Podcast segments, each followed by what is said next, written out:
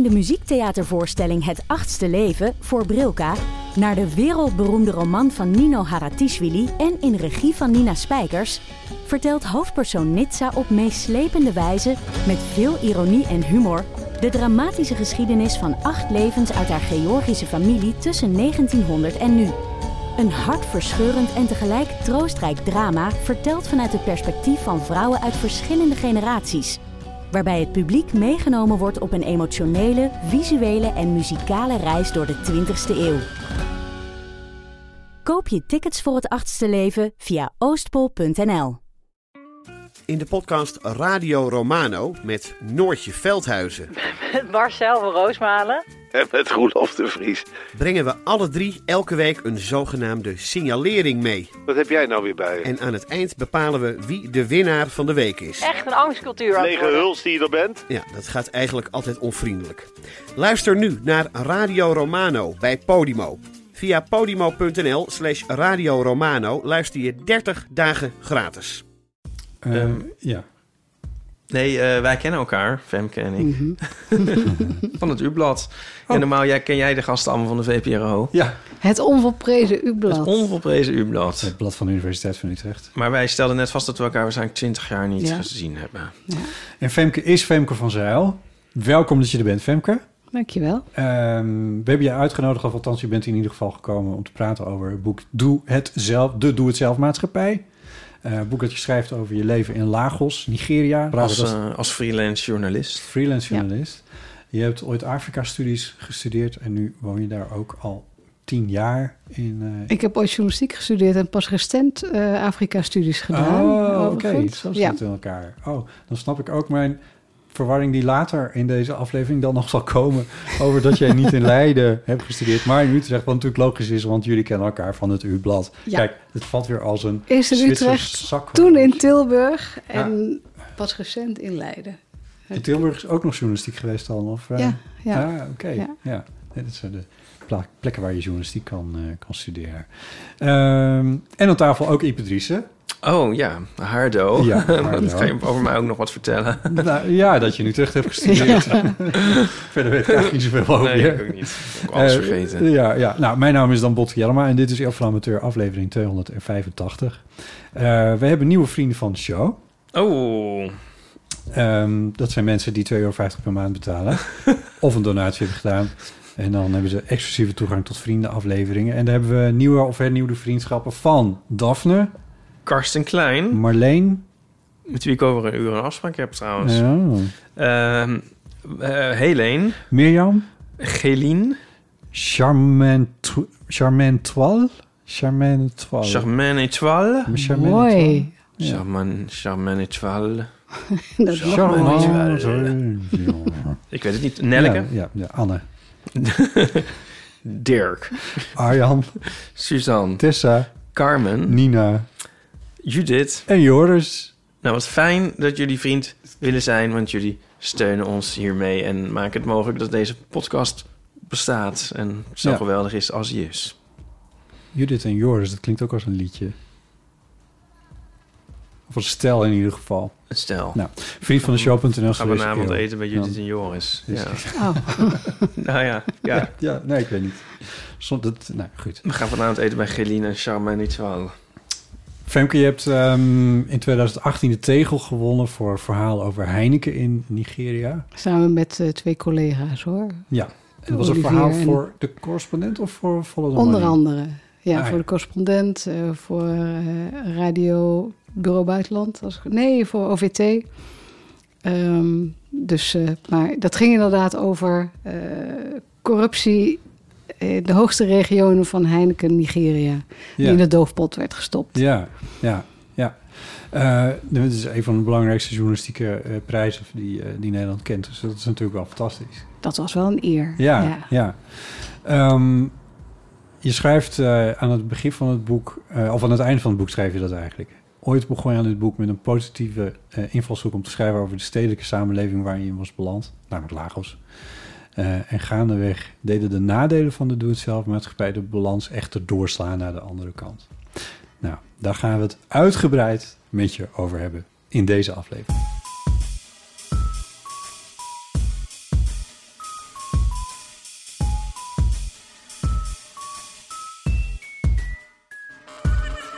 Maak je eigenlijk ook audio? Ja. Ja? Ja, ik voor, uh, voor Bureau Buitenland Oh ja, natuurlijk. Ooit, eh, nou, gisteren nog gezien, Fineke Diamant heeft me op het audiopad geholpen.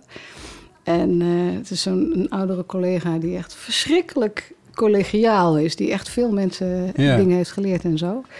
En eh, met haar heb ik mijn eerste radio gemaakt. En langzamerhand steeds meer zelf gaan doen. Ja. Nee, dat is fijn hoor, dat je dat ook, eh, dat het niet alleen maar schrijven is. Ik bedoel, ik maak ook foto's. Ja. eh, Ik vind, ik vind Ja. buitenland radioreportages vind ik een van de meest fascinerende dingen over het algemeen. En zeker op Radio 1. eh, Bureau Buitenland is Ja. Radio 1. ja. Ehm, ik weet niet wat de deal is bij Bureau Buitenland, maar wij moesten, als wij, ja, ik zat natuurlijk nooit in het buitenland, maar als verslaggever Ja. moest ik wel altijd wat in, in het Engels, Frans of Duits was, moest ik vertalen. ja, direct vertalen. Ja. Ja. Wat altijd een strijd is in je montage, waar je geen tijd hebt om ook het origineel te laten horen en de vertaling. Maar je wil eigenlijk het originele audio laten horen, anders ben je zelf de hele tijd aan het woord. En dan is Engels nog een beetje smokkelen, omdat Ja. je daar iets langer van kan laten horen. Omdat je ervan uitgaat dat, dat de meeste mensen daar wel wat van. Ja. Maar als ik bijvoorbeeld eh, met Yoruba aan de gang ben, wat ik zelf nauwelijks begrijp, Dat is dan een van de talen dat van Nigeria. een van de talen Ja. van Nigeria. Dan, dan wordt het inderdaad heel ingewikkeld om te snijden en zo. Ja. Ja. Maar wat ik dan wel probeer, en dat heb ik wel geleerd, want vroeger was ik dat dan ook weer aan het vertalen op band gelijk, maar dan klonk dat heel vlak. Hmm, Dan was ik heel hard aan het nadenken zelf. ja, ja, Dus het was ook nog wel echt een leerproces om te leren voice-over. dat ja, Ja. levendig te doen ter plekke en de vertaling. Oh, je doet het wel ter plekke? Ja, doe het wel ter plekke. ja, want dan, dan leeft het gewoon meer. Ja, ja, dan heb je de couleur lokaal er ook nog bij. Met- Ja, en dan gaat de volgende vraag er ook meteen in door en zo. eh, Ja. ja. Ja, Maar dat was wel een leerproces. ja ik kan me voorstellen, ja. Ja, Ik, ehm, ik, ja we schieten er meteen in, maar ehm, ik, ik, het leek me interessant om te beginnen met ehm, de voorkant van je boek. Ja. Dat is een heel prominente foto met een, mag ik het Amsterdam zeggen? Een Agenebbesooi. Een nebbenstootje, ja, zeker. Eh, we zien een soort st- straat slash steegje. ehm, die helemaal in de stijgers lijkt te staan. Allemaal stijgerpijpen zie ik. En overal tonnen tegen huizen aan. Ja, Wat, Ja. wat, wat zien we Waslijnen. hier? Waslijnen, Ja, waslijnen. zeker. Ja. overal lopen ook Een pijpen, boom. leidingen. dat Een, een, een treurige boom. Ja. Dit is, eh, moet je niet schrikken, is de eerste gated community van Lagos. Oh, ik had me daar iets anders bij voorgesteld.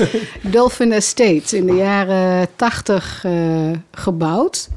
Ehm, en dit, zijn, dit was wel de plekken waar, eh, de, waar het personeel woonde, zal ik maar zeggen. Maar het zag er ooit veel beter uit. Het zijn twee tegenover elkaar liggende appartementenblokken. Ja.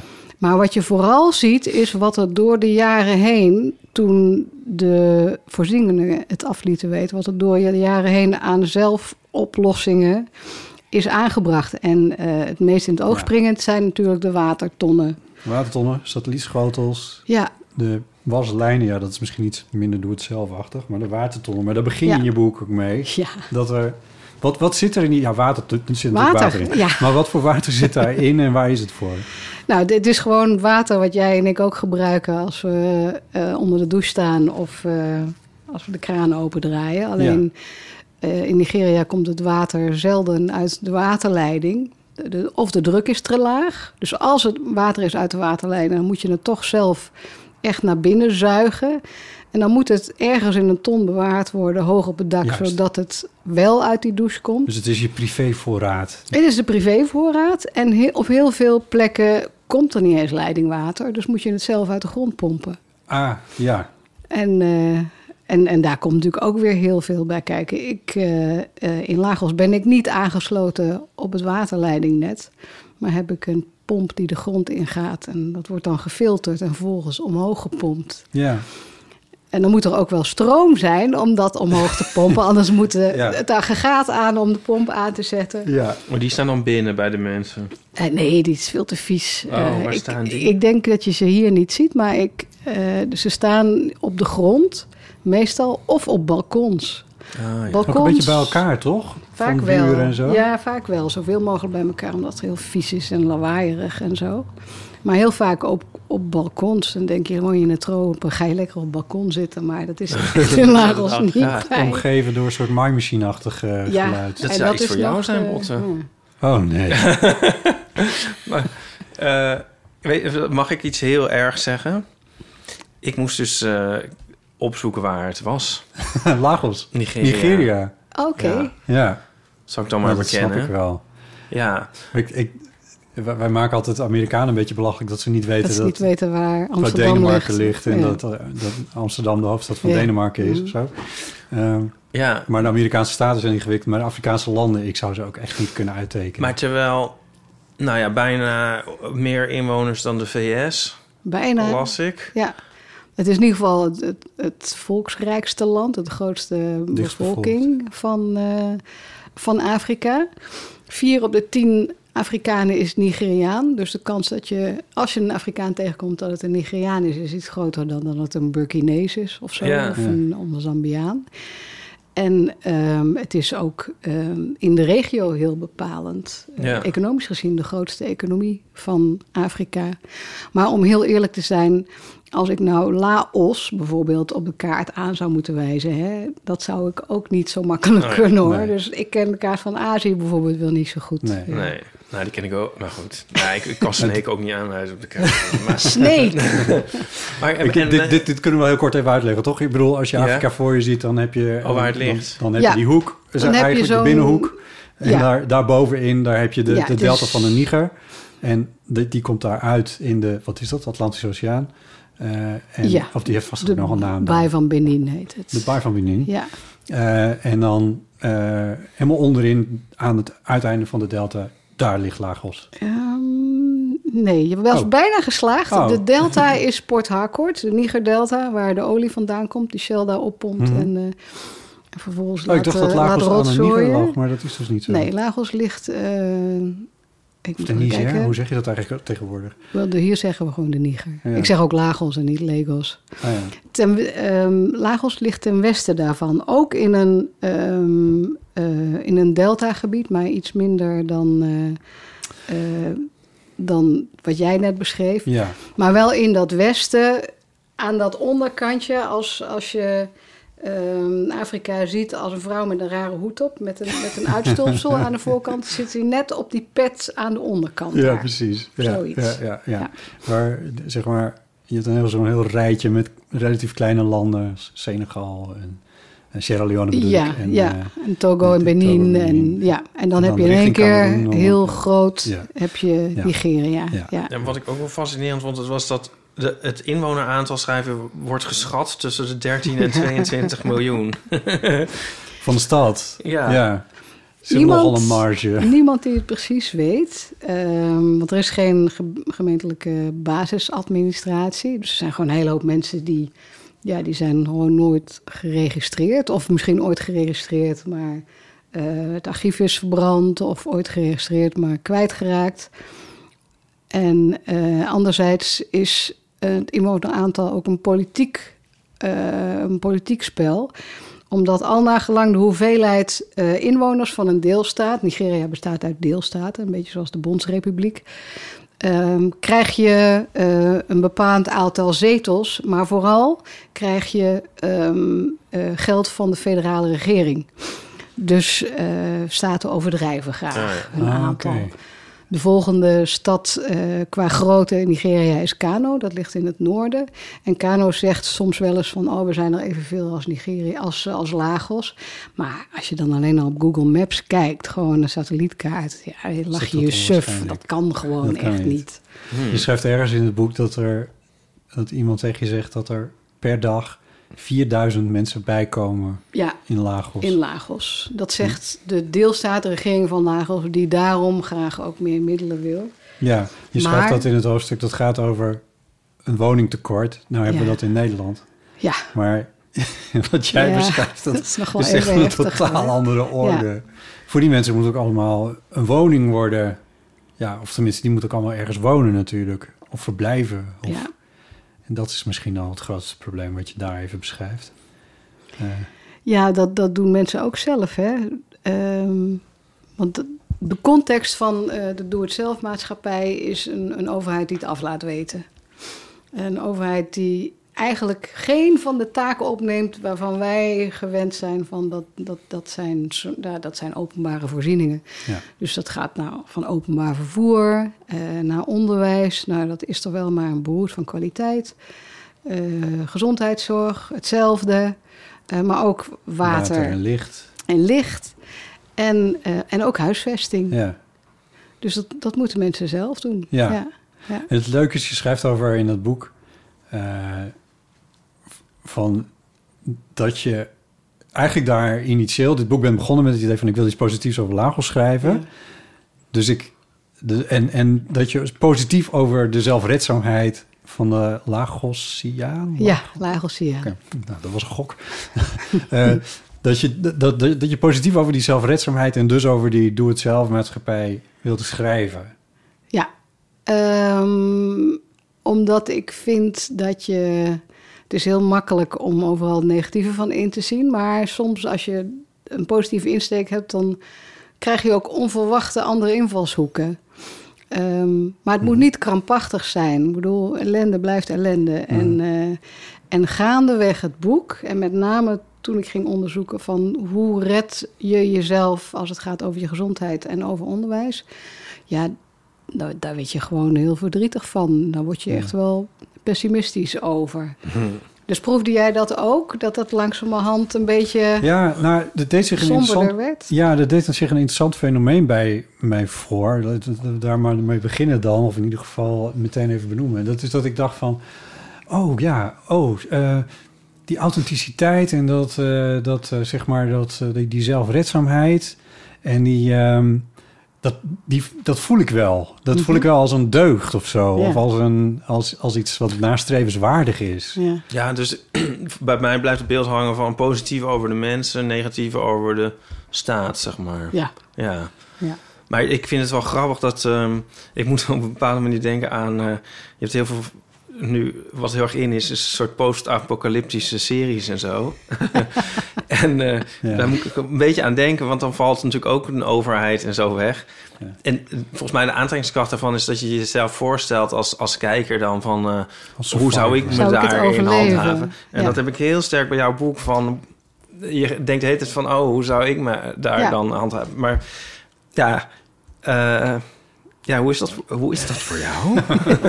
Nou, laten we wel wezen. dus, Kijk, ik heb natuurlijk een onge- on, onzaglijk geprivilegeerde positie. Want ik heb geld. Niet heel veel geld. Ik ben freelance journalist. Maar in, in vergelijking met de gemiddelde Lagosiaan heb ik het redelijk goed. Ja. Ehm, ik woon op het vasteland tussen de gewone Nigerianen. Niet ehm, op de eilanden waar de rijken wonen en de expats. Ja, er zijn een soort waddeneilanden voor de kust waar Ja. de rijke mensen dan Ja, wonen. precies. Ja. Hun eigen enclave. Ehm, en om mij heen wonen mensen, de meeste mensen die zijn ook rijker dan ik. Het enige verschil is, ik heb een ziektekostenverzekering. Dus als er bij hun in de familie iemand ziek wordt, dan is het vaak eh erop of eronder. Als je kanker krijgt in, in Nigeria eh, en je kunt het je veroorloven, ga je naar het buitenland om het te laten behandelen. Maar Maar ja, je schreef, de, de president gaat voor een oorontsteking naar Londen. ja, precies. ja, kun je nagaan. Dan heb je eigen land zo beroerd ingericht. Maar jij gaat wel, graaft wel in de schatkist om, eh, om vervolgens ergens anders... eh, Maar, je, maar goed, je hebt dus een geprivilegeerde positie, maar toch van, van dag tot dag moet jij ook dealen met Ja. ja, ja stroomuitval en de... het is, je wordt constant op je probleemoplossend vermogen aangesproken. Je bent constant, ben je kleine en grote dingetjes aan het oplossen. Ja. En eh, Want hoe lang zit jij daar? eh, meer dan tien jaar. Ja. Ja. En is dat dan, wordt dat dan een tweede natuur? Of wordt dat dan iets waar je ook een soort, bij wijze van spreken, plezier uit schept? Of ben je, helemaal loop je op je achterste benen intussen? Eh, all of the above. ik, eh, ik heb er nog steeds plezier in, maar af en toe baal ik er verschrikkelijk van. Zeker als er een moment is, weet je, dan, eh, dan kom je thuis, heb je een hele lange dag gehad en dan is er geen stroom bijvoorbeeld. En is het heel heet. En we hebben wel, ik heb batterijen in huis, zeg maar accu's, die stroom staan te hamsteren als er stroom is. En als die dan uitvalt, nemen die Zoals die watertonnetjes water voor je verzamelen. Precies. Verzamelen de batterijen Ja. stroom voor je. Maar die zijn niet sterk genoeg voor een airco. En soms is het zo heet en dan wil ik die airco aan. Wat is, wat is zo heet trouwens? Wat is, wat is, Ehm, ja, het is er altijd rond de 30, 32 graden, maar soms is het heel eh, vochtig. Ja. En dan voelt het echt als 40 graden. Ja. Dus, eh, en zeker als je dan thuis komt na een lange dag, wil je de airco aan. Want die is er wel. Die is er wel. Maar eh, dan moet ik wel de generator aanzetten, de aggregaat. Maar dan denk je, oh shit, de aggregaat moet gevuld. Sta je daar weer te klooien met, met Benzine. die benzine en zo. Ehm, en dan, dan knalt er iets in de aggregaat of dan moet een bougie vervangen of zo. Ja, en weet je, dat soort... het. Ja, ja, de wet van Lagos is ook wel de wet van Murphy. Alles wat mis kan kan gaan, gaan.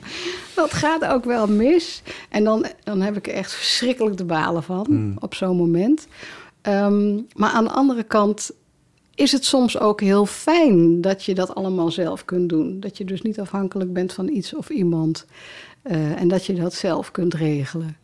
Eh, dus het is, het, het- je, Ja. je hangt er een beetje tussenin. En om heel eerlijk dat- te zijn. Wat is dat? Is dat, ja. is, dat, is dat een soort lol wat je er dan in krijgt of zo? Ja, ja, zo, dat heb ik weer eens gefixt. Ja, ja, ja. Van, van de, De airco staat even aan vanavond. de airco staat even aan. Of eh, ja, ik heb weer eh, een, een sherrycan benzine weten te scoren. Ondanks het feit dat er een eh, benzinetekort is. In het land dat de grootste olieproducent van. De wereld is. ja. Mm. Dus, dus dat is het. Je bent in een soort wedstrijdje met jezelf. Ehm, maar je raakt ook gewend, en dat is misschien wel, eh, eh, misschien wel PTTTS, dat weet ik niet zeker. Maar je raakt ook gewend om steeds aangesproken te worden. Dus ik ben, als ik in Nederland ben, wat ik heerlijk vind, en waar ik ook echt heel erg uitrust. Maar na een maand denk ik van. eh, hm, Er wordt geen beroep op je dat is gedaan? een beetje saai. Ja? ja, ja, alles werkt. Ja, nou, Ja, veel. Nou, in vergelijking. dit Be- boek- als je- beter dan oké. Ik, dat is Ja. toch ook echt eh, Ja. grappig aan dit boek. Van dat je denkt... eh, ja, je gaat toch ook echt heel anders kijken naar Nederland. Eh, van, oh, Ja. Toch, het is toch eigenlijk verbluffend hoe, hoe, hoe het hier wel werkt dan Ja. Nog. Ja, Nu, nu nog. nog. Daar kunnen we misschien Ja, later op komen. Ik had Nee, heel graag over mijn thermostaat. Maar had jij dat verwacht als je tien jaar... ehm, ik bedoel, misschien blijf je nog veel langer, maar... eh, had je dat verwacht eigenlijk? Zit je dat zo... Tien jaar, nee. Ik had eigenlijk... Ik dacht, ehm, ik wil vijf jaar naar Nigeria. En dan wil ik vijf jaar naar Ivoorkust. En dan vijf jaar naar Senegal. En dan, als ik dan nog lopen kan en schrijven, misschien... eh, dat, ik had eigenlijk een soort eh, West-Afrika-correspondentschap voor mezelf in gedachten. Hm, Maar toen liep ik tegen Igoni aan. je man. mijn, inmiddels mijn man. Ja. Een schrijver, fictieschrijver, Nigeriaan ook, uit de Nigerdelta. Hm. Geboren en getogen in Port Harcourt. En dat maakte dat ik er nu al elf jaar zit. En, Ja. eh, en nou ook nog wel even blijf zitten, ja. Nou ja, Ja. fijn. Ja. Ja. En om heel eerlijk te zijn, als dus s'nachts de stroom uitvalt... en ik het heel erg heet heb, dan is het Igoni die... dat is heel schattig, die gaat dan naar buiten... en die gaat dan de, de, de generator aanzetten Ja, en ja. zo. Dat maakt het leven wel wat makkelijker, hoor. Die, die doet het zelfmaatschappij met z'n tweeën te slechte. Ja, Ja, dat Dus snap het- ik. Een, een, een partner hebben is wel een eh, pre. Het is wel heel fijn, Ja. Eh, een van de dingen die, denk die iedereen zich af zal vragen... en begint het boek er ook wel mee... is van, is het, kun je daar veilig leven? Ja, dat, dat, dat is het eerste wat eh, mijn moeder altijd hoort. Mijn moeder is inmiddels vier keer op bezoek geweest. En iedere keer als ze dat dan vertelt in Nederland, zeggen mensen: "Ah, Ben je wel goed wijs? Word je niet ontvoerd of zo? Maar Lagos zelf ehm, ervaar ik als heel, eh, heel veilig. Mij is nog nooit iets overkomen. Ja, behalve dan een deuk af en toe. Omdat, ja, dank je. Ehm, en ik heb het idee. Je moet natuurlijk heel- geen hele gekke dingen gaan doen eh, midden in de nacht eh, op, op gekke plekken rondgaan met, met je heftige juwelen en zo. Maar ja, dat doe je hier ook niet. Ehm, ik voel me er altijd prettig en ik heb ook het idee, omdat ik onder de mensen woon en ze me kennen, dat dat een beetje eh, bescherming biedt. Dus ik heb het idee dat Ja. het wel veilig is. Maar Ja. er is vast een reden dat rijke mensen op die eilanden voor de kust wonen in gated communities. Ja, eh, als je een, je als target gedraagt, dan word je ook een target natuurlijk. Aha. Dat, ja, het, het is niet helemaal onzin. Kijk, gated community, we hebben het erover. Aan mijn straat, aan het begin en eind, staan ook een hek. Hm. Ehm, Daar schrijf je ook over inderdaad. Ja. ja. Dat die eigenlijk altijd openstaan. dat die openstaan, nou in dit geval gaan ze s'nachts Ja, dicht. Ja. Eh, en dat is eh, de manier waarop eh, de bewoners zelf... want die hekken staan gewoon op, op openbare ruimte. Hè? Dat is gewoon een openbare straat. Maar op een gegeven moment waren er zoveel gewapende overvallen. Dat is voor mijn tijd. Dat is de jaren 90, eh, begin jaren 0 geweest. Ehm, en de overheid beschermde daar niet tegen. Sterker nog, de wapens kwamen, waren vaak geleend van de plaatselijke politie... waarmee de Hm. huizen werden overvallen. Dus toen zijn de bewoners bij elkaar gaan zitten en die hebben gezegd: van, als we nou aan het begin en aan het eind van onze straat een hek plaatsen en we zitten daar iemand bij s'nachts, dan weten we in ieder geval dat wie er binnenkomt, weten we in ieder geval wie er binnenkomt en dat ze daar horen. En dat is bijna in heel Lagos zo. Eh, dus het is officieel geen gated community waar ik woon, maar de facto is het dat Er is wel. een gate. Ja. En dat, is, eh, ja, dat is wel fascinerend, want dat is eigenlijk dus keer op keer met alles wat je beschrijft, dat bewoners zelf iets organiseren en eigenlijk de rol van de overheid op zich nemen. Ja, nou het gekke, dat is natuurlijk ook een overheidje. Op, Ja, op basis, zo is een overheid ooit begonnen. ja, Mensen zijn bij elkaar gaan zitten en hebben gezegd, kunnen we dit samen oplossen? ja. Ze En- beginnen weer van vooraf aan eigenlijk. Ja, en dat vind ik ook wel het hoopgevende. eh, want de bewonersvereniging bij mij in de straat bijvoorbeeld... bij de eerste en enige lockdown eh, eh, bij corona in Lagos... zijn ze bij elkaar gekomen en hebben gezegd... oké, wie woont er bij ons in de straat van wie we zeker weten... dat die 's ochtends niet weten waar ze s'avonds van moeten eten. En dat zijn er nogal wat in, eh, in, eh, in Lagos.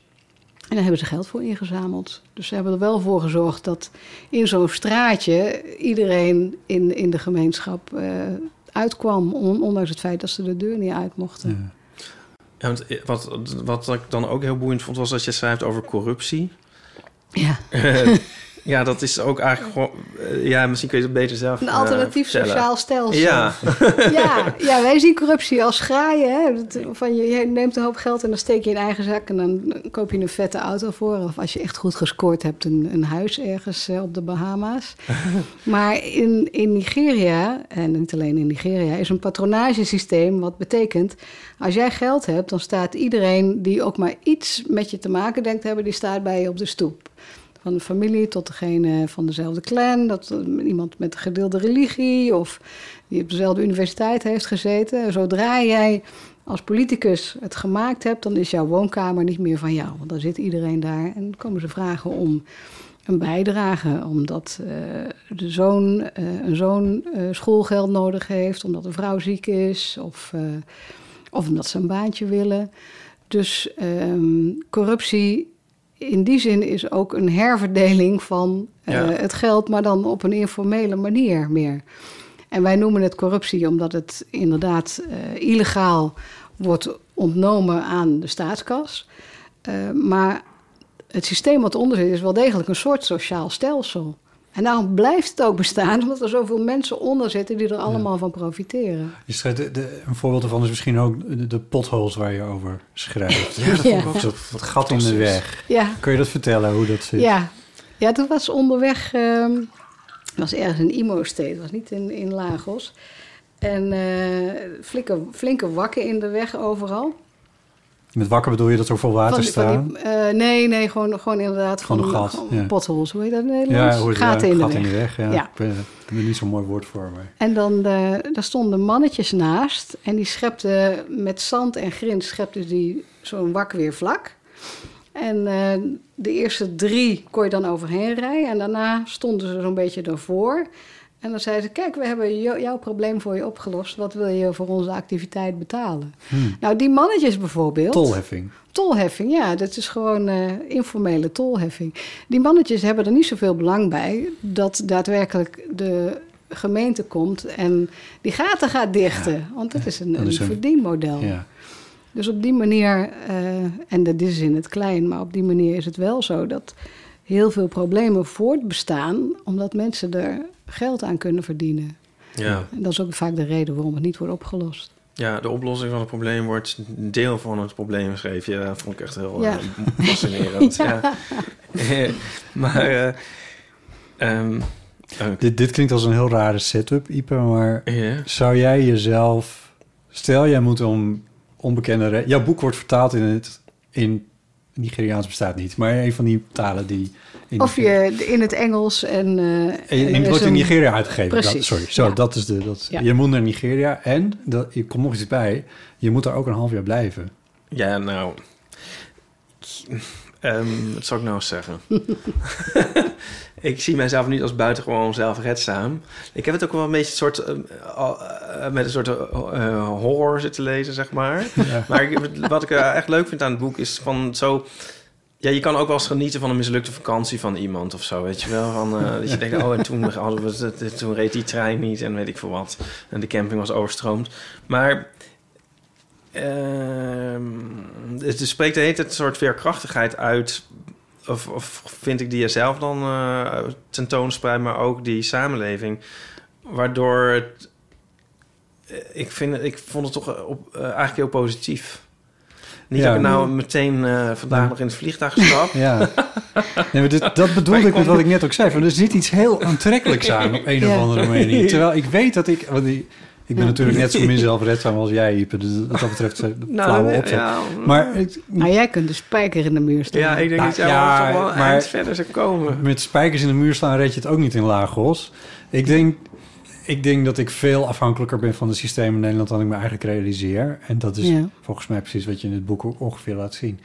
Ehm, maar Ja, dat is ook niet dat je je daar deels een beetje aan gaat ergeren. Vind je niet?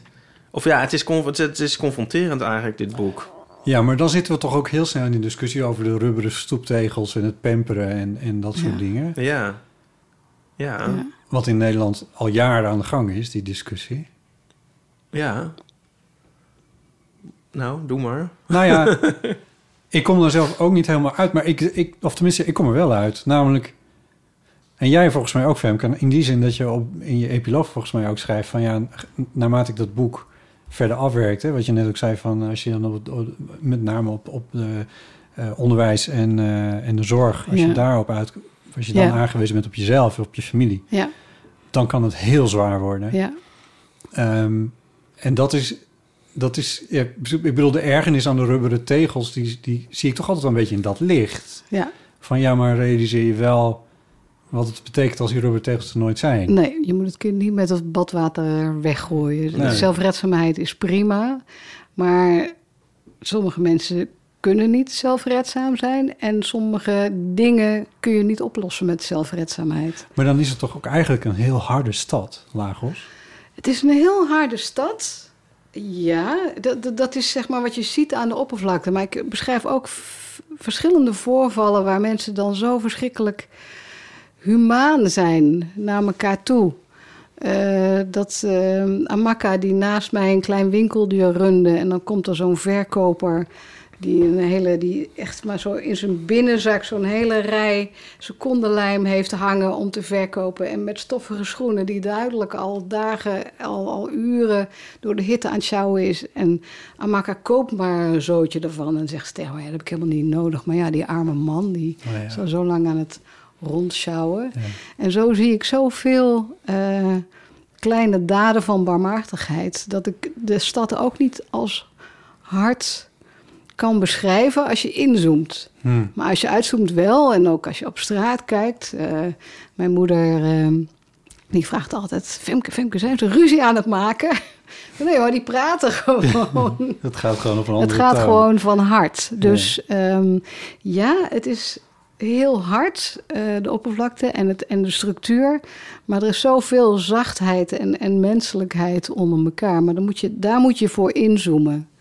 Ja, dat je zegt van eigenlijk de doe-het-zelf-maatschappij maakt concurrenten van mensen. Ja, Maar je Ja. beschrijft ook wel veel solidariteit eigenlijk. ja. Het, is, het is een heel precair evenwicht tussen die concurrentie. Als je dezelfde middelen eh, nastreeft en er is een beperkt hoeveelheid van... ja, dan, dan gebeurt dat heel concreet... eh, Eh, het eerste huis waar ik woonde, dat was een ramp, want daar... Poppenkasthuisje. stopte- ja, een poppenhuis. Poppenhuis. Piepklein. Ja. Daar stopte het water met stromen. En eh tapten wij water, er kwam op het dak kwam een hele hoop water naar beneden zetten op een paar punten waar we dan emmers onder zetten.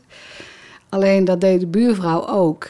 En, eh, en als de buurvrouw dan eerder was met de emmers, dan dacht ik echt zoiets van, "Sst, wat, Ja. godsamme.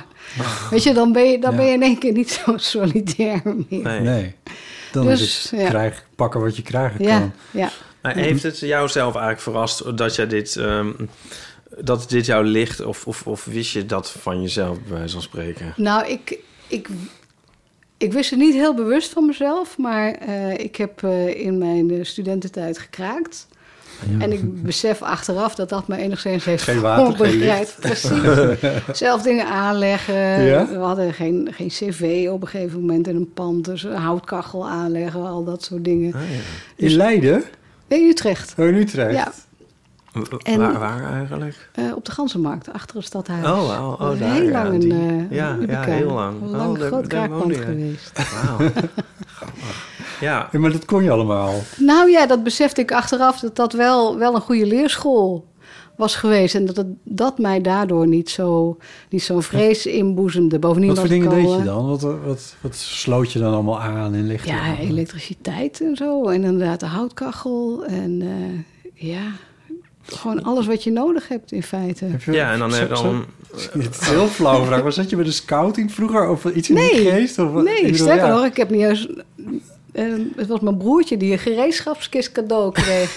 Ik niet. Nee. Dat is gewoon iets, ja. Maar het is ook alvast een soort oefening aan het je onttrekken aan federaal gezag. Precies. Ja. Nou ja, en die vrijheid inderdaad. Want dat is het andere. Hè. Kijk, in een doe-het-zelf-maatschappij is er een soort pact tussen de overheid... die niks doet voor zijn burgers... en de burgers die zich dan ook aan de overheid niet zoveel... eh, Gelegen laten. gelegen laten, dankjewel. En er ook niet aan betalen. Want ja, ze zeggen... Gaan jullie je gang maar, stelen jullie maar van het geld van de olie dat binnenkomt. Dat is natuurlijk steeds minder. Maar voor ons dan ook niet lastig met regels of met het afdwingen van regels of belastingen. Dus het, is, het zijn echt gescheiden werelden. Is, er En, zijn dus eh, groepen in Nederland die hiervan dromen. Ja, het is de facto een vrijstaat. Ja. Ja. En eh, daar kun je van dromen als je de sterkste bent.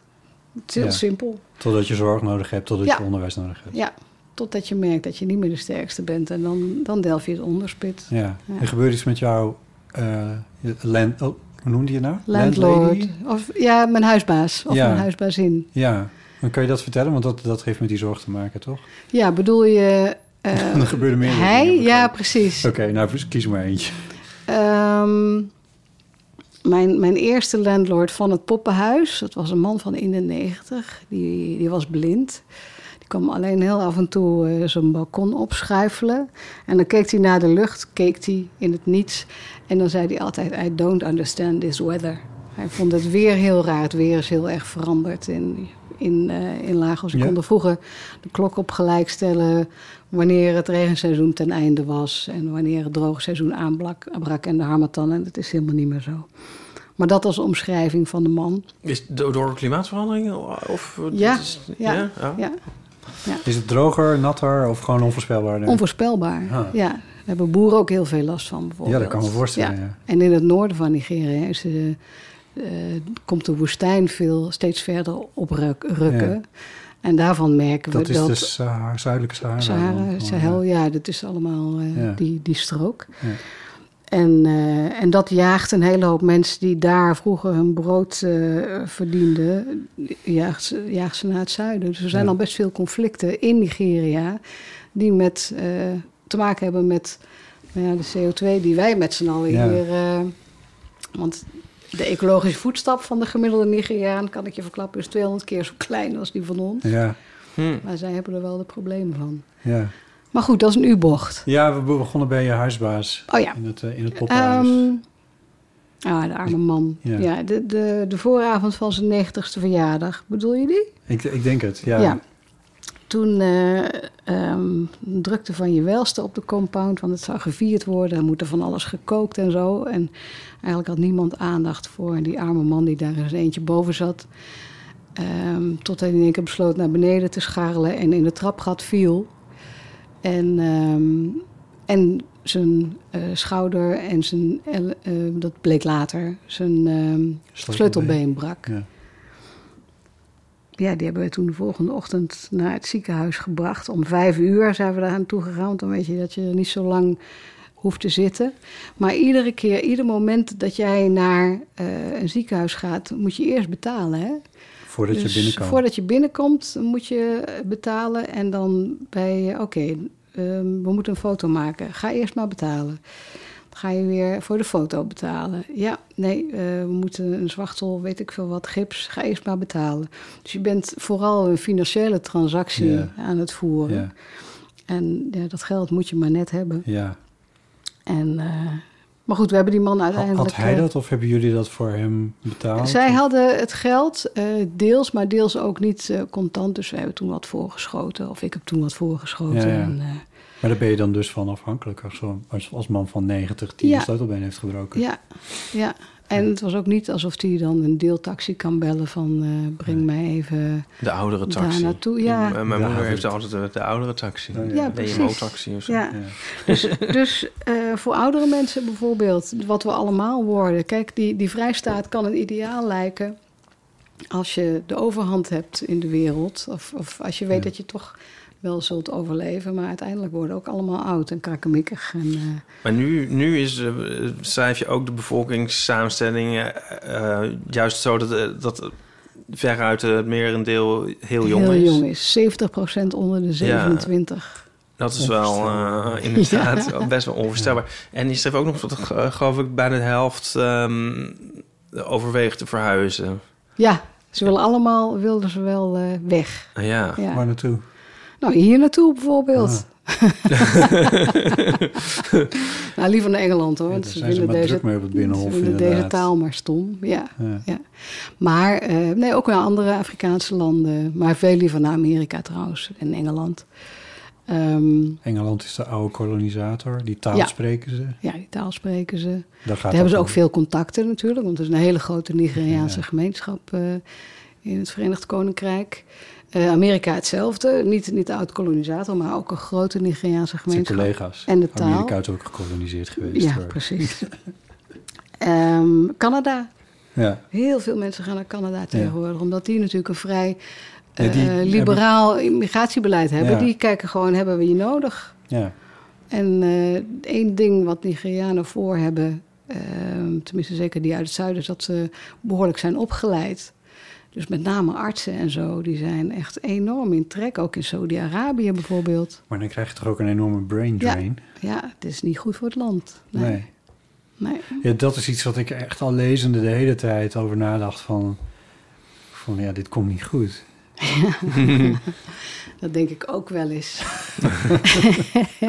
en ik heb eh, toen, ik, eh, toen ik naar Nigeria ging tegen vrienden gezegd... als ik cynisch word, moet je het zeggen, want dan moet ik weg. Ik vind Oh. namelijk dat je cynisme in de berichtgeving... vind ik eh, oneerlijk ten opzichte van de mensen die er Mhm. wonen en, en werken... En, eh, en ja, die geen keus hebben...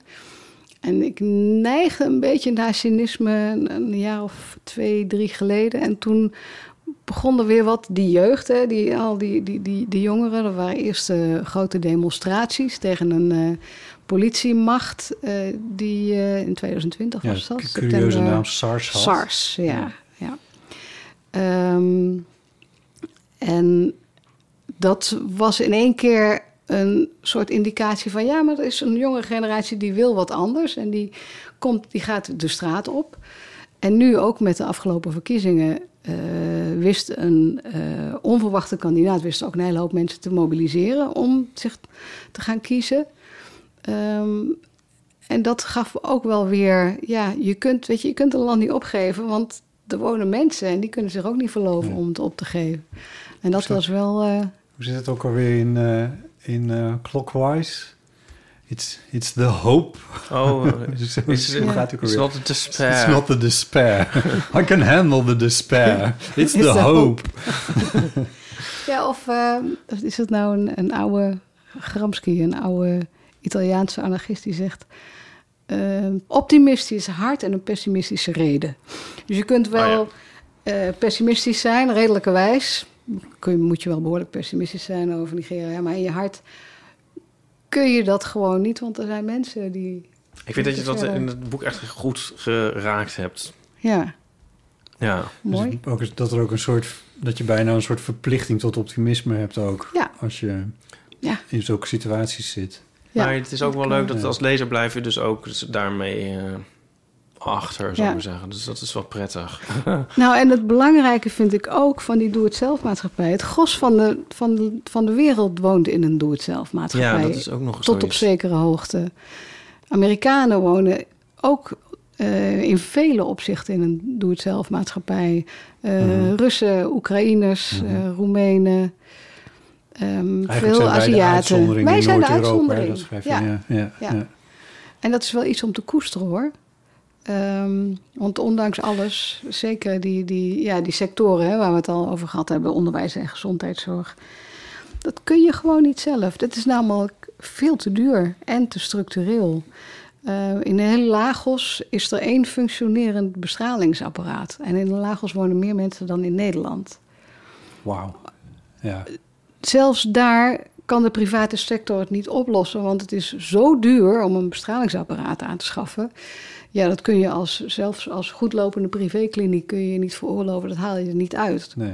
Dat zijn dingen die moet je echt publiek financieren. En die haal je er ook niet uit als heel je bovenlaag van je samenleving naar het buitenland vliegt om zich daar te laten bestralen. Precies, want dat is het tweede probleem natuurlijk. Dat eh, geld maakt dat de middenklasse of de hogere middenklasse zich gewoon een weg uit de problemen koopt. En dat is eigenlijk de geen- enige uitweg die je hebt in Ja, dat opzicht. ja. Ja. En zien... En want je zei net van er is dan toch een wens om te verhuizen. Ja, Zien Lagosia... La, hoe zeiden we het nou? La- Lagosianen. Zien die eh, Noord-Europese landen dan als een... Hè, zoals we het hier hebben ingericht met verzorgingsstaten over het algemeen... als, als een, een doel, iets wat ze nastreven? Of is dat, is dat een utopie? Nee, Of is dat, nee ze, willen ze er weg van blijven? ehm, ze vinden sommige dingen heel gek. Eh, een uitkering, dat vinden ze echt heel raar. Hoezo krijg werken. je geld als je niet werkt van de overheid? is ook eigenlijk een beetje gek. vinden ze heel gek. Ja. Ehm, maar als je vraagt, wil jij goed onderwijs voor je kinderen? Zonder dat je daar eh eh, driekwart van je salaris aan kwijt bent, dan zeggen ze natuurlijk ja. Ja. Dus ze zullen niet zeggen, wij willen een een Noord-Europese verzorgingsmaatschappij. Maar ze willen wel ehm, eh, rechtvaardig behandeld worden en de mogelijkheid om Ja. naar de rechtbank te stappen Ja. en zeker te weten dat je voordat je doodgaat een keer een eerlijke uitspraak krijgt. Ja. Bijvoorbeeld. Dus zij zullen niet zeggen wij willen hetzelfde wat jullie hebben, maar uiteindelijk willen mensen overal een dak boven hun hoofd, veiligheid, genoeg te eten en dat je kinderen het beter hebben of missen ze goed als jij zelf. En dat zullen ze, dat willen ze allemaal. Er was één ding waar, ik, eh, waar je over schrijft, waar, waar ik echt een, een, waar een gevoel van hoop me toch bere- bereikte. Eh, niet dat het boek verder allemaal over hopeloze zaken gaat, maar eh, dat gaat weer over die aggregaat. Ja. Namelijk dat ehm, eh, er een buurman is Oh ja. waar het stil is Ja, en die wel stroom heeft. ja, En dat jij eh, op onderzoek gaat van, maar hoe zit dat dan? Ja. En wat blijkt, eh, de man zonnepanelen. heeft zonnepanelen. Ja. En dan trek je het vergelijk met eh, van oké, een nationaal stroomnetwerk, dat werkt niet. Dat leg je extensief uit met NEPO, heet het? Nee, Nepa. NEPA. Nepa. Nepa. Never expect power, Ja. always. Maar eigenlijk is het de naam van het, ener- van het staatsenergiebedrijf. Maar Ja. dat was de afkorting die ze ervan hebben gemaakt. En dan is er nog een opvolging en dat heeft nog een veel grappiger naam. Maar in ieder geval, ehm, van dat gaat niet gebeuren. En dan trek je de vergelijking met wat er, eh, dat is een bekend verhaal over eh, wat er met telefonie is gebeurd. telefonie, ja. We hebben in Nederland eh, ergens een eeuw geleden heeft iedereen hier vaste lijnen gekregen. En er was een vaste lijnennetwerk en dat draaide het land ongeveer op. In Afrika slaan ze dat goed deels over. Daar is dat vaste lijnennetwerk no- nooit op die manier aangelegd. Nee, nooit Maar- de grond gekomen. Nee, maar mobieltjes die niet, waar je geen kabels voor door de grond hoeft te trekken, althans niet zoveel, die zijn er in overvloed. En eigenlijk slaan ze het hele verhaal van, eh, van vaste lijnen over. Ja, En jij trekt een vergelijking tussen, oké, je zou dus ook een, een stroomnetwerk, een nationaal stroomnetwerk, zou je over kunnen slaan wanneer iedereen, zij het enigszins doe het zelfig, maar toch eh, zonnepanelen op zijn eigen dak legt Ja, ja, als vervanger van die generatoren. En een handjevol batterijen erbij. ja. En dan hopen dat het niet in de fik vliegt, maar dan ben je er eigenlijk. Ja, nou ja, dat is, dat is in feite ehm, wat je nu ook in Nederland ziet gebeuren. Ik had het met iemand over met warmtepompen en zo. Je kunt Ja, natuurlijk klopt. ook in een straat kun je één warmtepomp voor een hele straat aanleggen. Mhm. Ehm, dus het idee dat iets een, een landelijk dekkend netwerk moet hebben om eh, iedereen op dezelfde manier te voorzien, dat hoeft natuurlijk niet. Nee. En zeker met die zonnepanelen. Ehm, ja, is, kun je je voorstellen, stel in, in Lagos wil je graag schaduw. Eh, misschien kun je een klein stuk van, van de stoep overdekken met zonnepanelen Ja, bijvoorbeeld. daar zal niemand een de bezwaar hele- tegen maken. Schijnt, Nee. lijkt me zo. Nee. Dus dat zijn inderdaad de, de, de wet. het- Het is het tegenovergestelde van de wet van de remmende voorsprong. De stimulerende achterstand of zo. er is geen landelijk dekkend net, stroomnetwerk. Nee. Maar daarom loont het juist wel. Eh, want mensen in, in Lagos nemen geen zonnepanelen voor het milieu. Die nemen zonnepanelen omdat ze af willen van die ellende met de stroom. Ja, Maar goed, dat maakt wel dat dat eh, veel sneller gaat dan hier bijvoorbeeld, Ja. waar het toch altijd een soort van luxe is of eh, ja, echt nog een, een positieve keuze en Ja. geen, geen dwang. ja, ja. Ja. Heb jij ze inmiddels, zonnepanelen? Nee, nog niet, want wij hebben geen eigen dak. Oh, Dus eh, eh, het dak is van, van de. Nou, we hebben wel, wij wonen wel onder een dak, maar het is het dak van eh, de huisbaas. Ja. En die zijn nogal zenuwachtig als je dat soort dingen daar. Dus Ja. vooralsnog zit het er niet ja. in. Nee, oh ja, ja. Ze liggen hier ook niet op. Ik zit ook onder een dak, maar die Ja. is ook niet van mij. Oh ja, Ja. zie je? Ja, Ja, ja. Ja. ja. dat is Ja, het risico. Moeten we met inderdaad. VVE doen hier. Maar dat zal daar ook wel niet bestaan, een VVE. Nou, ik heb wel eens vergeleken de, de, de bewonersvereniging in de straat met de VVE's. Waar het niet dat. VVE's zitten vaak bij, heu- met, tegen heug en meug bij elkaar. Van god, een mot nou, die kloten weer. eens per half jaar. Er Vreselijk. moet er weer een nieuwe voorzitter komen. Ja. Ja. En niemand die wil. Nee. En, eh, en in, eh, in Nigeria of in Lagos is het vanzelf... Je wordt vanzelf naar elkaar toe Dat is gedreven. veel en hebt, eh, Ja. ja. Daar hangt meer vanaf. Ja. Je, hebt, eh, je noemt een keer je stamkroeg. Ik vroeg me af, eh, is er ook een gay kroeg in Lagos? Mm. ja. Ja? Ja, ja je, je hebt best een grote gay scene. Eh, je hebt een hele grote creatieve scene. Eh, veel schrijvers, kunstenaars, eh, dans, wat ook enigszins overlapt. Het is natuurlijk een hele grote, eh, diverse stad. Ehm, en, eh, maar het is niet zo dat je naar Lagos gaat en dan zegt... can you show me the way to the nearest gay bar, please? Want het is officieel strafbaar. Mhm. Homoseksualiteit, homoseksuele handelingen zijn strafbaar. Dat wordt zelden, eh, wordt daar iets mee gedaan... tenzij je een hekel hebt aan je buurman... en je denkt, oh, die heeft wel heel vaak eh, die jongen over de vloer. Dus het maakt mensen chantabel. Hmm. Eh, het maakt mensen, vrienden van mij die homoseksueel zijn, lesbisch, dat ze ervoor kiezen dat ze met een partner gaan samenwonen van de andere seksen, zodat ze allebei gecoverd zijn, Oh, zal ik maar zeggen. Ja. Dus ehm, eh, ja, er is veel, maar het is niet, eh, ligt niet heel erg aan de oppervlakte. Ja. Hoe kan, het iets, hoe kan zo'n gay bar dan bestaan? Is dat heel Ja. gesloten? Of? Ehm, nee, het is meer. ehm, hoe, hoe, hoe, hoe heet dat nou in het Engels? Ehm, don't ask, don't tell. Ja. Dat was het Amerikaanse van- leger, werd dat, eh, werd dat Ja, beleid. Ja. En ehm, wat ik wel wil zeggen over homoseksualiteit in Afrika, laat ik er even een blanket statement van maken.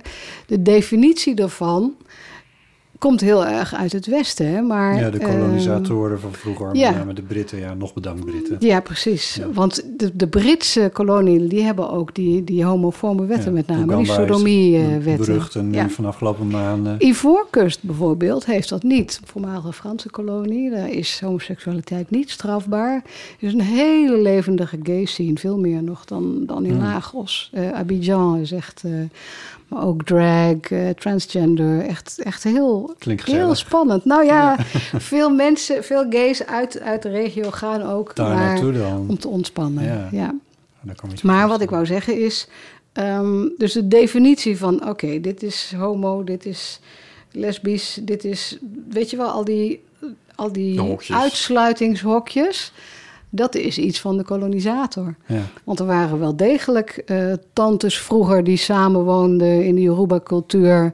Eh, waar niemand vragen over stelde, die eh, ook voor de kinderen van de buren zorgden. Er waren in het noorden van Nigeria waren er jonge mannen die een bepaald deel van hun leven in vrouwenkleren rondliepen en vriendjes hadden. En dat was ook allemaal gewoon, alleen het had niet dat stempel. Ja.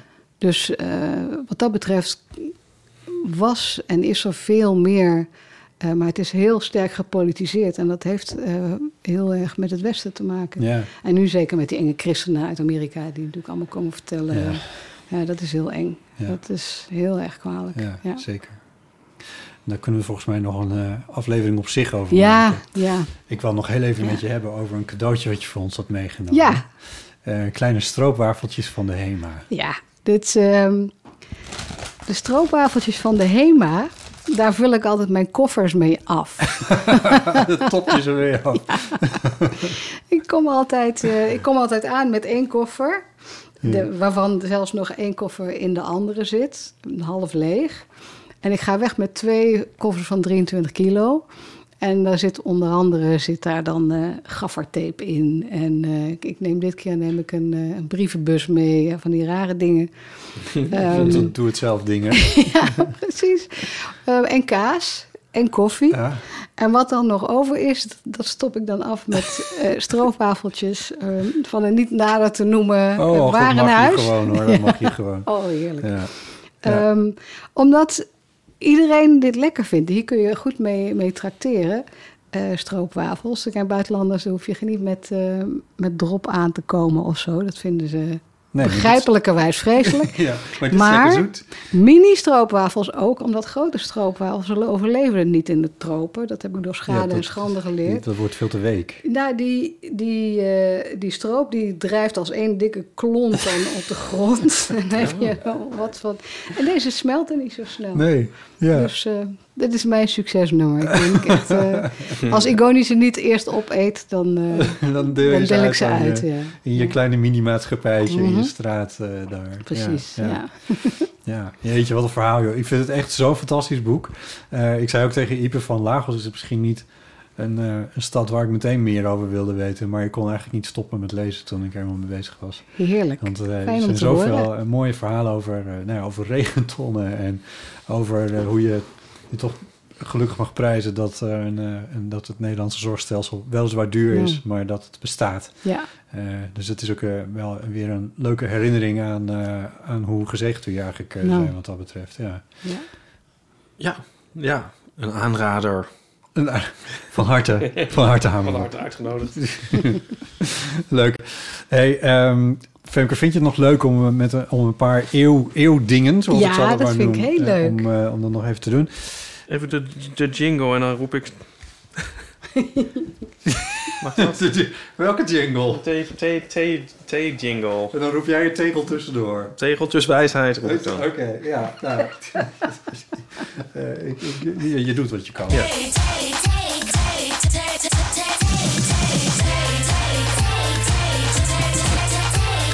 Tegeltjes wijsheid. ja, welkom in onze nieuwe rubriek Tegeltjes wijsheid. Ja, met zijn eigen unieke jingle.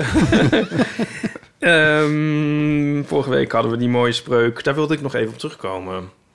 Als je doet wat je altijd deed, krijg, je, wat je, altijd kreeg.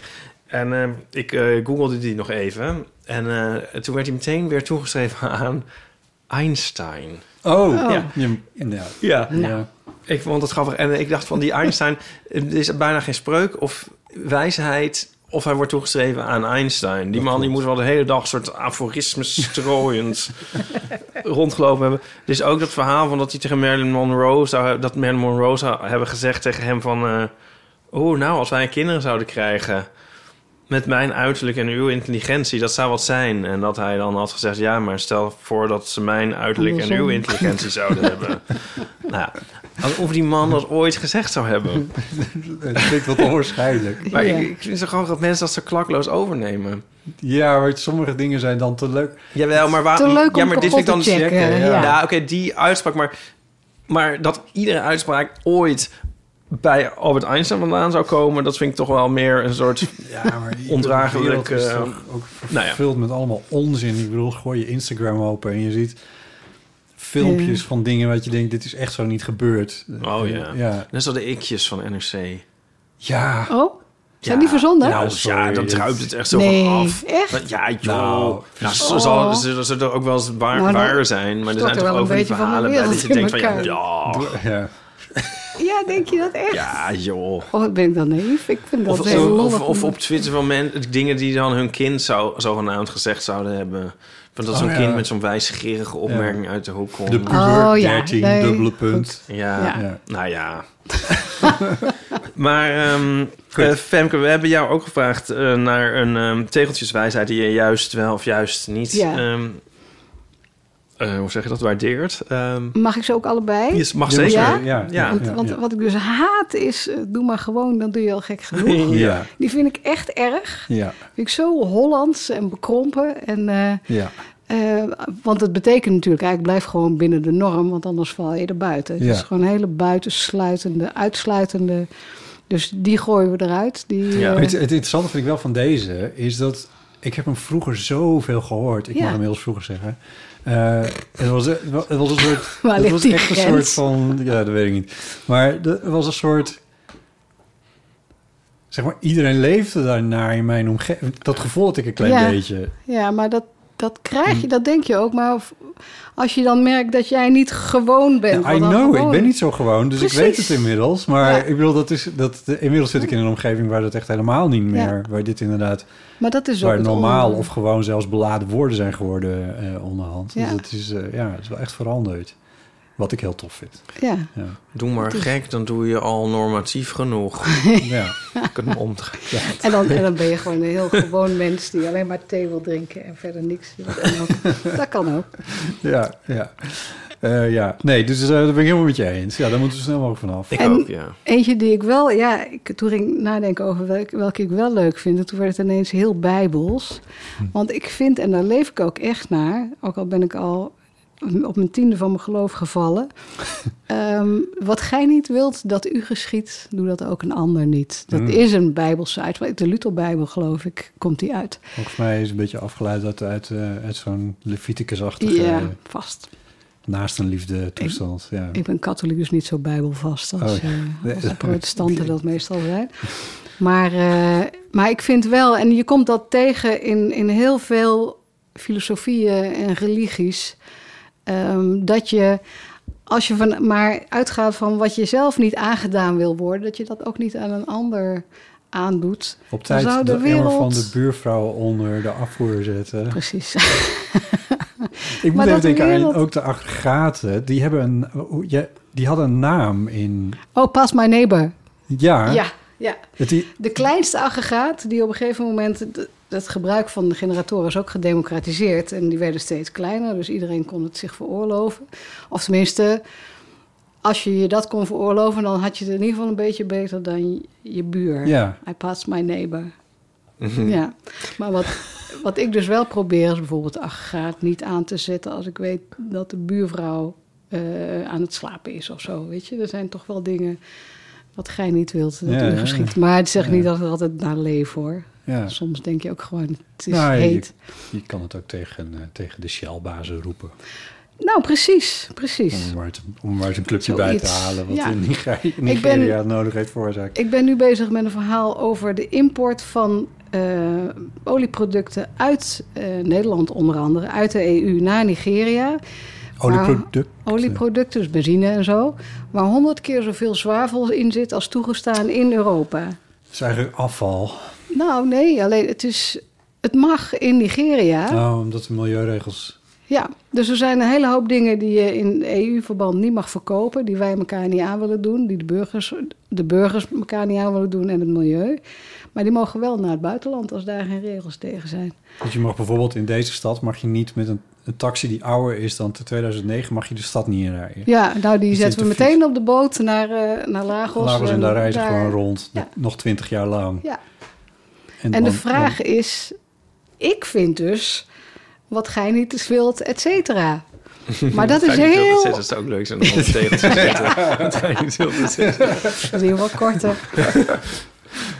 Maar Eh, ja, dat zou, ga- zou je ook in veel groter verband kunnen zien. Niet alleen maar eh, ten opzichte van je buurman, maar Ja. eh, ook naar Ja, landen. bovendien, die zure Ja. regen van die, van die zwavelhoudende benzine... die komt ook echt ooit deze kant op, hoor. Dat is niet... eh, Ja. Dat is, Dus ja, dus ja dat is, dat is mijn, mijn favoriet. Maar inderdaad, misschien een verkorte versie. Dan hoef je ook niet na te denken of er nou een DT aan het einde van Ja, geschikt en is het ook, en zo. doet dat ook een ander niet? Of Ja, doet dat ook een ander daarom, niet? Daarom. Volgens mij eh, Wat gij wel, niet wilt, et het is- dat niet Is dat niet eh, gebiedende, gebiedende wijs? Ja, maar gebiedende wijs in welke persoonsvorm dan? Word lid. Je kunt dat, Dat in meervoud en enkelvoud Schrijf doen, je toch? word lid ook zonder, zonder een T. Ja, maar het is wel wat gij niet wil. Oh, wilt. Wat gij niet wil. Oh ja. Dat u geschiet. Wauw. Hij wilt. Wat Gij wilt. Jij wilt.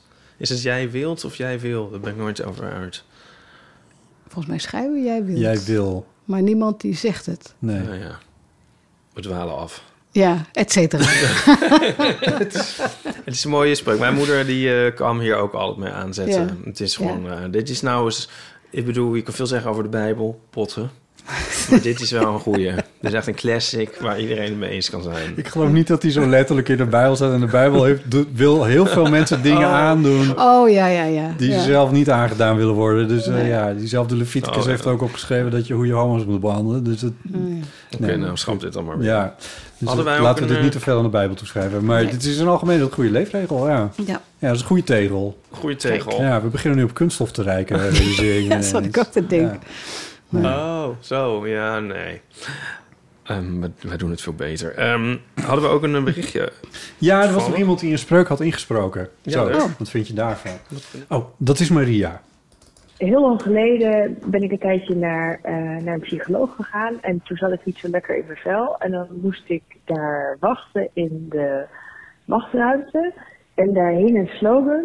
En ik zat me altijd te bedenken, wat betekent het en waarom hangt het hier? En het was iets als, eh, als je wakker wordt en het is stil in het morgenrood, dan is de wereld vergaan of de haan is dood. Vond dat altijd zo eh, depressing. En nou ja, ik snapte niet zo goed waarom dat nou juist daar eh, zou moeten hangen. Maar goed, dus dat was de ene. En ik weet niet of het dat precies is, maar ja, in mijn hoofd is het altijd stil als in het morgenrood. En dan is de wereld vergaan of de haan is dood. Nou ja, weet je, ik dacht altijd, ja, ik vind allebei gewoon niet zo leuk. Nee. Dus, eh, nou ja. Nou, en de andere is, ehm, die heb ik eh, zelf eh, overal in huis opgehangen toen ik ergens een beslissing had genomen om een situatie te verlaten, terwijl ik het hartstikke lastig vond. En ik had overal opgehangen van, you must make a decision that you're going to move on. En dan, uh, it won't happen automatically. You will have to rise up and say, I don't care how hard it is. I don't care how disappointed I am. I'm not going to let it get the best of me. I'm moving on with my life. Ja, mijn Engels is niet geweldig, maar ik vond de boodschap heel mooi. Omdat ik elke keer dacht van, ja, weet je, ik laat dit niet. I'm not going to uh, let it get the best of me. Ik ga door met mijn leven. En ik kies daar bewust voor. En ik vind het echt super kut. En ik ben heel erg teleurgesteld, maar ik doe het toch.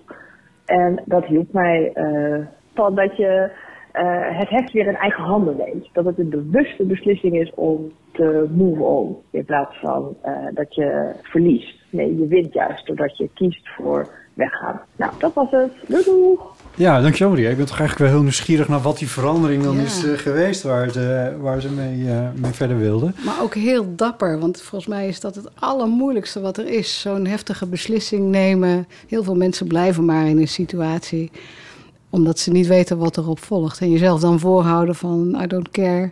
Ja. Ik, ik doe het toch en ik blijf erbij.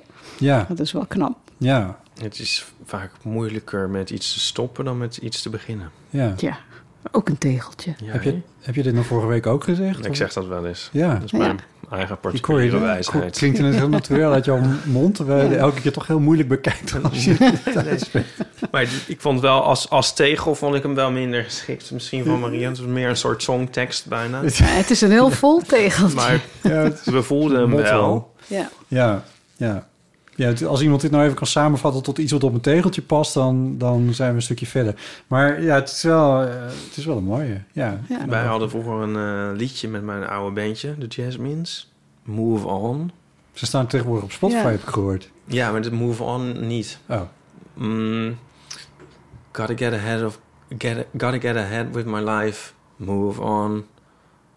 Ieder geval, het, was het hele Move On. En eh, na een tijdje wilde hem niet meer spelen. Want en toen zei de zanger, ik word er moe van. Oh, oké. Ik vind het nog steeds leuk dat jij, in- dat jij in een bandje zat met, een- met jazz in de naam. ja, nou, het was met een S, hè. Kan me niks Jasmines. schelen. Oké. Oké, goed. We hebben nog post gekregen. Oh, ja. Sorry. Eh, post van Linda. Eh, die eh, sloeg nog even aan op dat wij het hadden over dingen kwijt zijn en gejatte fietsen en dat soort dingen. En dan gingen we even los op. Het is nu een soort running ding of zo in ieder geval. Als mensen dan dingen kwijt zijn en je fiets kwijt zijn, was even iets waar we het Mhm. even over hadden. Dus schreef het volgende over. Na mijn studie verhuisde ik met mijn drie stationsfietsen naar Den Haag. Misschien ging ik ze ooit nog opknappen. Acht jaar later stonden ze ernstig in de weg omdat we wilden verhuizen. De ANWB had toen een vrijwilligersactie waarbij je oude fietsen kon doneren aan kinderen die geen geld hadden voor een fiets om mee naar de middelbare school te fietsen. Om het de donateurs makkelijk te maken kon je de fietsen laten ophalen. Je moest alleen maar even doorgeven waar de fiets zou staan. Zo gezegd, zo gedaan. Het was ontzettend druk bij de ANWB, dus het zou enkele weken duren voor mijn fietsen werden opgehaald.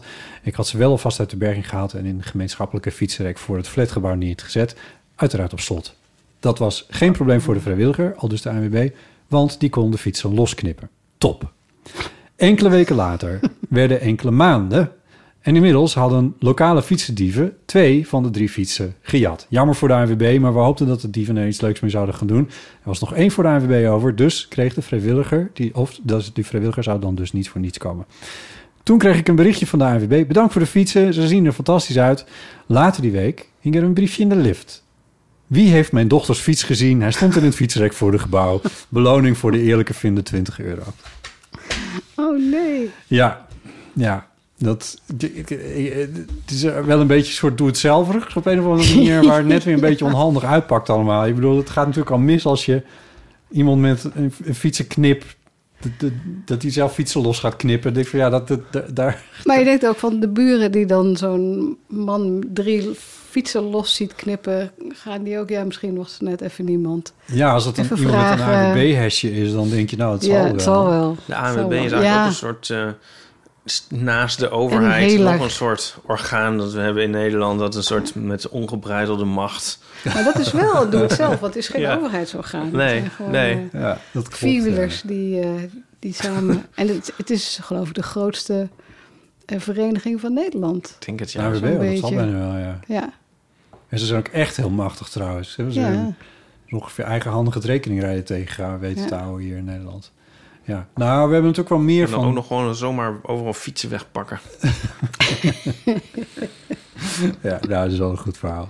Nee, we hebben wel, denk ik, in Nederland wel een aantal van dat soort organisaties, maar zo groot als de ANWB hebben ze misschien niet. Nee. Nee. In ieder geval, de kampioen is het grootste blad van Oh ja, Nederland. was Alleen het. niemand leest het. Nee. het valt in de bus en eh, die zet Ja. je thee op en dan eh ga Ja. ik met het oud papier mee.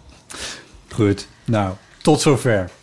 Ehm Femke, dankjewel dat je langskwam om over je boek te vertellen. Graag de. Doe-het-zelf maatschappij met prachtige ondertitel over leven in Lagos. Eh, het boek verscheen eigenlijk vorig jaar al. Ja. Ehm, maar je vertelt er nu nog op verschillende plekken over. En het is eh, je vierde boek, want eerder schreef je al Een Nacht in een Vijzel, Gin and Tonic en Cholera. En Koning van de. Baracas? Baracas, ja. Ja. Eh, en die gaan ook voor een belangrijk deel over je leven in Afrika. Afrika, ja. Ja. Ehm, dankjewel. Heel leuk dat je hierover vertelt. Ja, leuk jullie eh, in levende lijven te Ja, zien. weer te zien. Ja. Nou, tot zover de Eeuw van de Amateur. Eh, je kan vriend van de show worden. Ga naar vriendvandeshow.nl slash eeuw. Je kan reageren op deze eh, eh, aflevering via botten.eeuwvanamateur.nl, een mailtje dus. Of op onze voicemail 06 1990 68 71. Ehm, en meer informatie over eh, eigenlijk alles en eh, show notes en alles kan je... gewoon- Meer informatie over alles. Meer informatie over Kun je alles. vinden op internet. Alles wat het internet. Nee, wat ik wil te zeggen is over deze aflevering Oh. vind je op eeuw.show. Dus show notes, bijvoorbeeld linkjes naar, Op het show hebben we die? naar Femkes. Ja, ik die Oh ja, Ipe, dat zeg je ook alweer. helemaal doe het zelf Ja. geregeld allemaal. Oh, is goed. Ja. Nou, goed. In ieder geval, eh Femke van Zijl, dankjewel. Graag gedaan. Ipe, dankjewel. Jij ook, Botten. En eh, bedankt voor het luisteren, zeg ik tegen de luisteraar. En tot volgende week. Dag.